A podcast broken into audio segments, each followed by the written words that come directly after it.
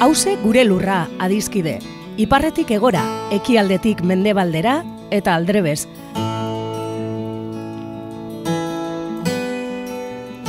Lurra bakarra dugu edo gaituen lur bakarra da hause. Eta zaintzak dan hori dagokigunez, hemen horretaz egingo dugu berba. Lurraren zaintza kontu ekonomiko, ekologiko eta politikoa da, baita kulturala, kolektiboa eta publikoa.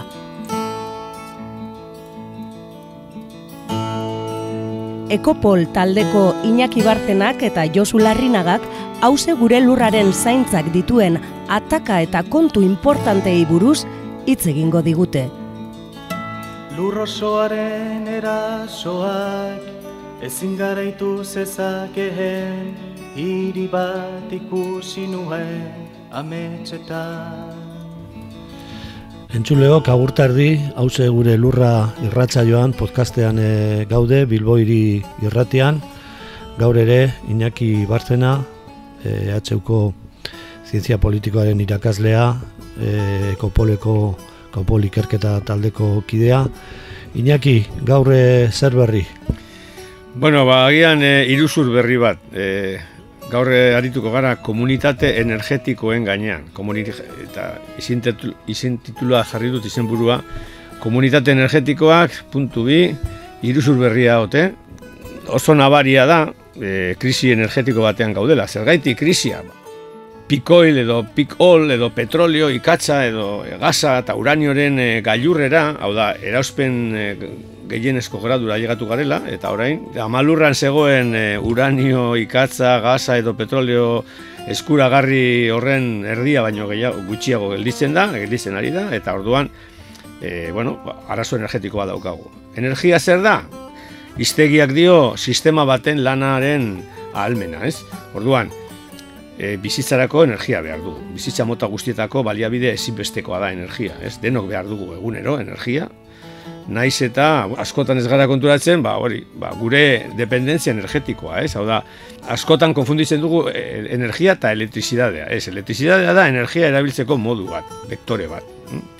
Baina energia gure arroparekin, gure elikagaiekin, gure egunerokotasunean, ba, modu askotan erabiltzen dugun, bueno, baliabide energetikoak erabiltzen ditugu, eta nola gizarte industrial batean bizi garen, metabolismo E, energetiko hori ez da, bueno, orain azkenengo berreun, berreun da, da marrotetan, hau da, ikatza eta petrolio eta gaza eta uranio erabiltzen dugunetik, ba, nolabait, salbuespen egoera bat, zartu gara, baina egoera horrek e, badu, baditu bere, bere mugak, eta muga horiek ezagutzen ditugu, eta muga horiek markatzen dute krisi energetikoa. Orduan, betiko moduan badaude batzu ez dute, bueno, bueno, e, konponduko gara, topatuko dugu teknologia bat, ateako gara hemendik, ez? E, erregai horiek eta gero, agian beste planeta baten, ez? Jorge Reismanen korreri teknolatria deitzen dio, ez? Baina, horretaz aparte, daukagun arazo nagusia nire ustez da, energia commodity esate dute inglesez. Commodity edo merkantzia bat edo dirua pilatzeko salgai bat bihurtu dela. Eta hortik datorkigu arazoa gaur planteatu duguna. Orain ikusten dugu, e, bueno, Errusia eta Ukraina arteko gerra baldin badao, izango da, gaz, eh? gaza, e, Errusiatik datorren, Europara datorren gazaren, e, bueno, e, arazo ekonomiko horren, baina, bueno, duela hogei urte izan zen Iraken, eta duela e, hogei urte bebai Libian gertatu zen, hau da, energia fosilen dependentzia handia da, eta imperialismoak behar du, muga energetiko horiek e, kontrolatu, ez? Bestaldetik, e, gure sistema energetikoa oso komplejua da, eta oso globalizatua da, ez? Eta guk adibidez, ba, errekurso energetikoak erabiltzen ditugunak, ba, datoz, e, leku oso e, urrunetatik eta bestalde batetik oso prozesu e, komplejuetatik, ez? Eta, bueno, ba, arazoak, arazo energetikoak agertzen dira nun nahi, ez? E, adibidez, ba, eh, Antonio Tiruelek, Antonio Turielek bere liburuan, akazkenengo liburuan, petrokalibsis horretan esaten du, ba, nolabait, eh, energiaren erabilera ba, gainbera baten sartzen dela, egoera energetiko oso oparoan bizi izan garela, eta hori bukatzea doa. Eta jakin behar dugu, desaskunde energetiko hori, ba, kudeatzen, ez? Horregaitik, eta hori da gaurko gaia, sortu ziren, bere momentuan, komunitate energetikoak. ez? Komunitate energetikoa dira e, egoera kritiko horreri ba, erantzuteko modu bat, antolamendu lokalak, ekonomia kapitalistatikat, herritarren antolakuntza eta nolabait eredu energetiko berria aurrera ateatzeko. Eta ez bakarrik e, elektrizidadean, ez? E, hori bai, baina hortaz aparte, e, mogimendu ekologistak eta transizio energetikorako ba, bueno, hirietan, auzoetan, horre munduan zehar, batez ere Estatu batuetan, Kanadan, Europan, leku guztietatzen trans, Transition Towns, Carbon Cities, Sustainable Energy Cities, eta bar, bueno, leku askotan sortu dira komunidadeak nolabait e, energiaren asuntuari, energiaren krisiari ba, erreparatzeko eta soluzio bide horiek, e, soluzio bide komunitarioak egiteko, ez? Autoeraketa, baliabide energetikoak antolatzeko, produzio eta konsumoa birplanteatzeko, eta ez ulertzeko energia hori, e, merkantzia edo komoditi bat bezala, baiziketan iraupenerako edo e, berme edo garantia moduan. Adibideak daude edo nun, e, Euskal Herrian dauzkagu hor goiener edo errekale hor edo ekualdeak edo edo auzo eta hiri askotan sortzen ari diren komunitate energetikoak, baina hegoaldean ere bai, hm? e, ari gara ikusten leku guztietatik, arazoari eusteko komunitate energetikoa direla herri askotan sortu dan, bueno, e, problematika honen aurrean e, uten bide bat, ez? Baina eta errealidade oso anitza eta oso espegi, ikuspegi eta helburu desberdinekin sortzen dira, ez? Orduan galdera da, ba, zer da komunitate energetiko bat? Claro, hor dago koska. E, nik esango nuke azteko sare komunitarioak, hau da, nolabait, herritik, e, auzoetatik sortzen diren iniziatibak, energia berriztagarri lotutak, helburu ekonomiko, sozial eta politiko konkretuekin, ez?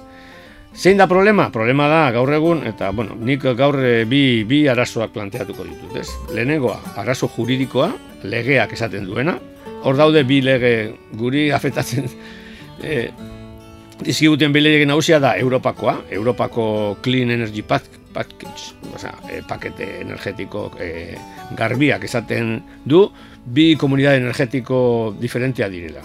Bata, energi, e, e, komunidade energetiko berriztagarriak, hau da, energia berriztagarriekin e, lotzen direnak, eta gero, hiritarren komunitate energetikoa, hau da, herritarren e, interesekin edo, edo herrietan, auzoetan sortzen direnak, ez? Bigarren hauek, e, importantea dira lokala direlako, antolamendu e, lokalean oinarrizten direla, baina agian ez dira energia berriztagarriak e, erabiltzen dituztenak. Eta gero, claro, hor dago e, Madrileko gobernuan dagoen, e, bueno, IDAE, e, da, Instituto para la Diversificación y Ahorro de la Energía, horrek egin du definizio bat eta definizio horretan agertzen dira komunitate energetiko lokalak. Batzuk dira e, berriztagarriak, beste batzuk dira komunitarioak e, eta besteak dira hiritarren edo herritarren komunitateak eta besteak dira lokalak. non dago diferentzia? Ba, diferentzia asko daude. Hm? Diferentzia asko daude, adibidez, energia iturria zein dan, berriztagarria dan edo ez, ez beti. Gero, e, bere lokalizazioan, bere ubikazioan, hau da, e, berton, herrian, auzoan e, egiten dan e, komunitate bada, edo edo adibidez, gero ikusiko dugun bezala, ba, bueno, batzuk dira ak akzionistak. Dirua jartzen duten horiek egon daitezke zure herrian, zure auzoan edo mila kilometrotara, ez du importa. Hm? Claro, ez du importa, baldin badira, e, segun e, ze bilatzen duten. Eta hori da nire ustez importantena. Non daude onurak, non dauden e, e, e, komunitate horiek bilatzen dituzten etekinak. Ingurumen etekinak dira, ekonomikoak, sozialak, e, norentzat, edo Brasilen esaten den bezala, energia para qué, para quién, ez? Orduan, hor daukagu lehenengo problema bat. Nahazten direla, sikiera, hiru motako eredu diferenteak, batzuk irritarren eh, antolamenduan oinarritzen direnak, beste batzuk eh, esparru lokalean oinarritzen direnak, eta beste batzuk energia berriztagarrietan erreparatzen direnak. Orduan, hor daukagu saltza hori, eta bigarrena ez, etortzen baldin magara Euskal Herrira, ikusten dugu Euskal Herrian bebai daude hiru eredu diferenteak, ez? Eta hiru ere doiek adibidez e, duela gutxi egin genuen artikulu batean, ekopoleko jendeak esaten genuen, bueno, badago eredu bat goienerrek adibidez e, e, markatzen duena, ez? Hor daude energia fotovoltaikoak edo beste energia berriztagarriak adibidez e, hidroelektrikoa, ez? Non ubikatzen dira hauek? Ba, goienerrek beti bilatzen du e, e, telatuetan, eh, edo, bueno, e, edo errekatan, modu afekzio e, handirik gabe. Hm? Baina gero, existitzen dira, goienerret eredutik aparte, goiener izango zen energia e, komunitate berriztagarria, lokala, eta baita ere hiritarrena. Hiru baldintza horiek betetzen ditu.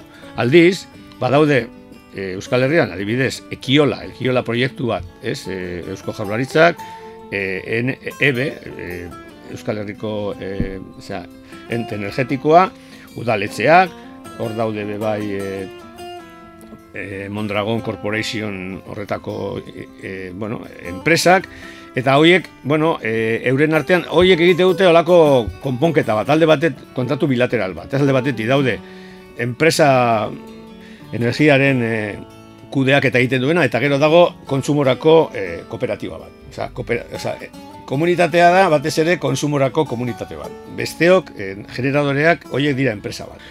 Eta gero dago, dago irugarren eredu bat, eta eredu hori adibidez, e, bueno, da, bueno, Bilbon, hemen, e, San Mamesen, ez, e, futbol zelaiaren koiko partean, telatuan, ipinetako, ba, nolabait, e, autokonsumo kolektiborako, ba, olako e, panel fotovoltaikoak eta horiek, claro, horiek dira e, enpresa, enpresa, Repsolek eramaten duen e, e, zera, enpresa bat, etekin ekonomikoak egiteko, energia hori saltzeko, e, zarean saltzeko, baina horreri ere bai, komunidade energetiko bat deitzen zaio. Orduan ikusten dugunez, hemendik aurrera, urrengo urteetan, e, horren gainean, bueno, adibidez, goienerrek, goienerrek bere planteamenduak, ari di, a, e, zabaldu ditu, edo, bueno, pro, baditu proiektuak Hernani, Leitzan, Lea Ibarran, Sestoan, Otxandion.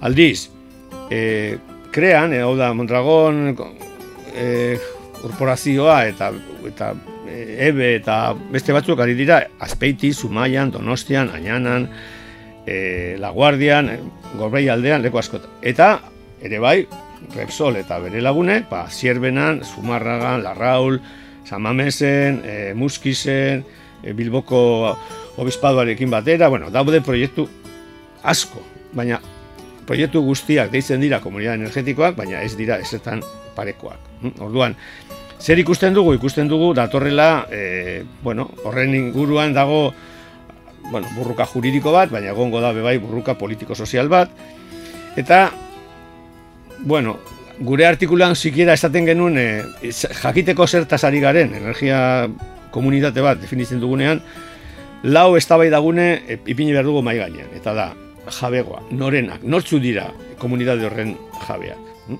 Bigarren ez, e, zeintzu dira e, komunitate horien irtenbide ekologiko eta e, askitasun edo nolabait autoantoloketaren e, e, dimentzioa, ez?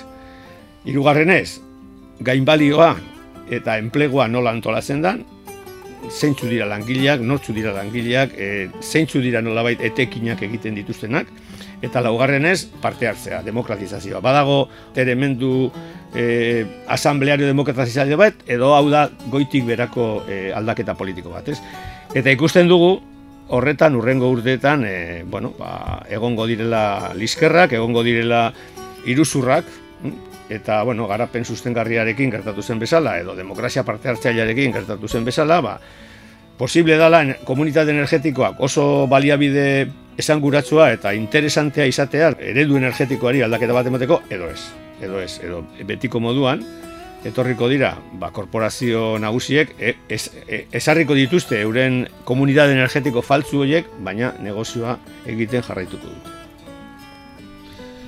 Edertu inaki, e, zuen txun bitartean egon goratzen orain dela gutxi biok egon ginen Madrilen, e, eta hor elkarrizketa informal batean, hango batek kontatzen zuen e, orain e, ba, ajuzu efektuan horri buruzari ginela. Berak esaten zuen Madrileko Unibertsitateko gelatan eta e, orain gehien hitz egiten dutenak bueno, mutila birela, hori klasikoa da, hori dino, kasgeletan gabiltzon guztia badak egu beti mutile gehiago hitz egiten dutela neske baino, baina abotsa gehien altzatzen dutenak esaten zuen gaur egun direla mutil anarkokapitalistak. Bitcoinekin e, e, zera espekulatzen eta aberasteko asmoa dutenak eta hoiek zirela zeijaistaren e, bosera maileak edo no ez da? Eta bueno, orain dela gutxi ere ikusi nuen e, liburu den datean guri unibertsitateko irakasle batek atera duela liburu bat kapitalismoren defensa. Eta bueno, pues hori egonaz pensatzen, incluso hobe dira, hobe da aurrean topatzea talako jendea argi eta garbi mintzatzen dena, baina askotan kapitalismoaren estrategia beste bada eta da hori kontatzea, ez da, eta batez be kontzeptuak ustea eta horrekin marketing kanpaina bat abiatzea eta orain badirudi komunitate itxari tokatu zaiola kontazioa eta eta marketing e, zera, marka bat bilakatzea. Bai, hori da, bai, zure hitzak eh, goraztu diate, zure hitzak eh, hori Ernesto Laclauren e, signifikante utzal hori, oza, utzun, utzunez beteriko edo, edo esan nahi gabeko e, signifikatu horiek. Hor dago koska, hau da, zuk energia komunitate bat e, diseinatzen duzunean, ez baduzu argi jartzen, e, zer dan, esan dudan moduan, ez? Jabegoa norena. Irtenbide ekologikoak eta autosufizientzia nola erregulatzen da zen olako etekinak, nortzuk egingo dituzte etekinak. E, e, energia hori nora joango da, nondik dator. E, zeinek hori ez badago e, argi geratzen, ba, mm, signifikante utz horrek egiten du posible, ba, bueno, ba, betiko moduan, ba, korporazio energetiko erraldoiek oligopolio horrek jarraitzea e, negozio egiten. Eta hori bai da problema bat. Claro, zer da, zein da eh, anarko-kapitalisten arazoa? Ba, eurek ez dutela kontutan hartzen, e, krisi energetikoaren baitan, baina oso oso muinean dagoela kapitalismoaren askunderako joera. Hau da, izango basan, e, John Stuart Millek planteatzen zuen estadu estazionario hortan, nun, nolabait, energia eta materialen erabilera ez da hasten, mantentzen da, eta flujo energetikoa eta materialak ba, mantentzen dira, regulatzen dira, ba, ba bueno, e, gizarte baten etorkizuna mantendu daiteke, baina nola behar dugu gero eta energia gehiago, gero eta material gehiago, etekinak egiteko, hori da, hori da anarkokapitalisten problema. Ez dutela kontutan hartzen, sistema kapitalista behar duela gero eta akumulazio gehiago. Eta ez badago akumulazio gehiagorik, gerrak etorri behar dira. Eta gerra, gerratan bebai negozioak egin. Eta gerra energetikoak ezagutzen ditugu, eta zoritzarrez etorriko dira. Bueno, behin Behin eta berriro ez da, edo berriz ere esan dezakegu, ekologismoak diskursiboki bere, bueno, bere aldarrikapenak eh, kokatu dituela erdigunean, gero eta jende gehiago kostiente dela nola hori, energia berriztagarrien beharraz eta eredu aldatu beharraz, baina berriz ere ikusten dugu ekologismoak e, disputa politiko bat plazaratu beharko duela gai honekin berriz ere bestela enpresa energetiko hondiek eh, zurrupatuko dute eh, prozesu hori, ezta? Bai, eta disputa gainera oso desorekatua, ez? E, gaur egun e, irtenbide energetikoak e, bilatzeko, ba, batzuen indarrak eta beste batzuen indarrak oso oso asimetrikoak dira eta hor, bueno, horrek esan nahi du, bueno, ba, ba, ba, bueno, kulturalki burruka izugarri handia eman behar dugula, baina bueno, oraindik ere gure gazteek pentsatzen dute bueno, gaztek eta izan gaztek, ez dute, telefono mugikorrek ez dutela energiarik edo materialik gastatzen, ez? Baina hori da gure ispiluaren aurrean daukagun e, daukagun kontraesana. E, nire ustez orain ikusten ari gara, ez? Rusia eta Ukraina arteko leio hori, bueno, hor ikusten dira eta naiz eta, bueno, e, geopolitikako nahasketa handia egin, Hor, funtzean dagoen e, eztabaida da eztabaida energetikoa. Rusiak saldu behar ditu e, bere energia iturriak e, Europarrei, eta hori Ukrainiatik pasatu da. Orduan, hor, pasabide horretan, e, nortzu kobratzen dute, zenba kobratzen dute, nola egiten dute, azken batean hori da ikusi behar duguna, hau da, e, noizarte mantendu daiteke eredu energetiko hori, ez? Bueno, ba, badirudi eztabaida hori aparte usten dela, eta sartzen dira eztabaidan beste gauza, bueno, horre, Horrezagaitik esaten dut, eztabaida oso asimetrikoa edo oso desorekatua dela, baina ekologismoari tokatzen zaio, ba, bueno, ba, berriz arroiek eh, mai gainean jartzea. Bueno, Iñaki, eta ze kanta ekarri duzu apurtzoak giro hau garaitzeko? Bueno, ba, bueno, kanta energetiko bat, jatorriz i- kanta edo hitzak dira Bob Dylanenak, baina niri gustatzen zait asko Jimi Hendrixek egindako bertzioa, All Along the Watchtower, eta bueno, kanta horretan eh, mundu industrialean dauden nahasketa hoiek eta trampa hoiek eta adierazten dira eta niri iruditzen zait oso, oso kanta egokia gaurko gairako. Ederto, ba, entzun dezagun.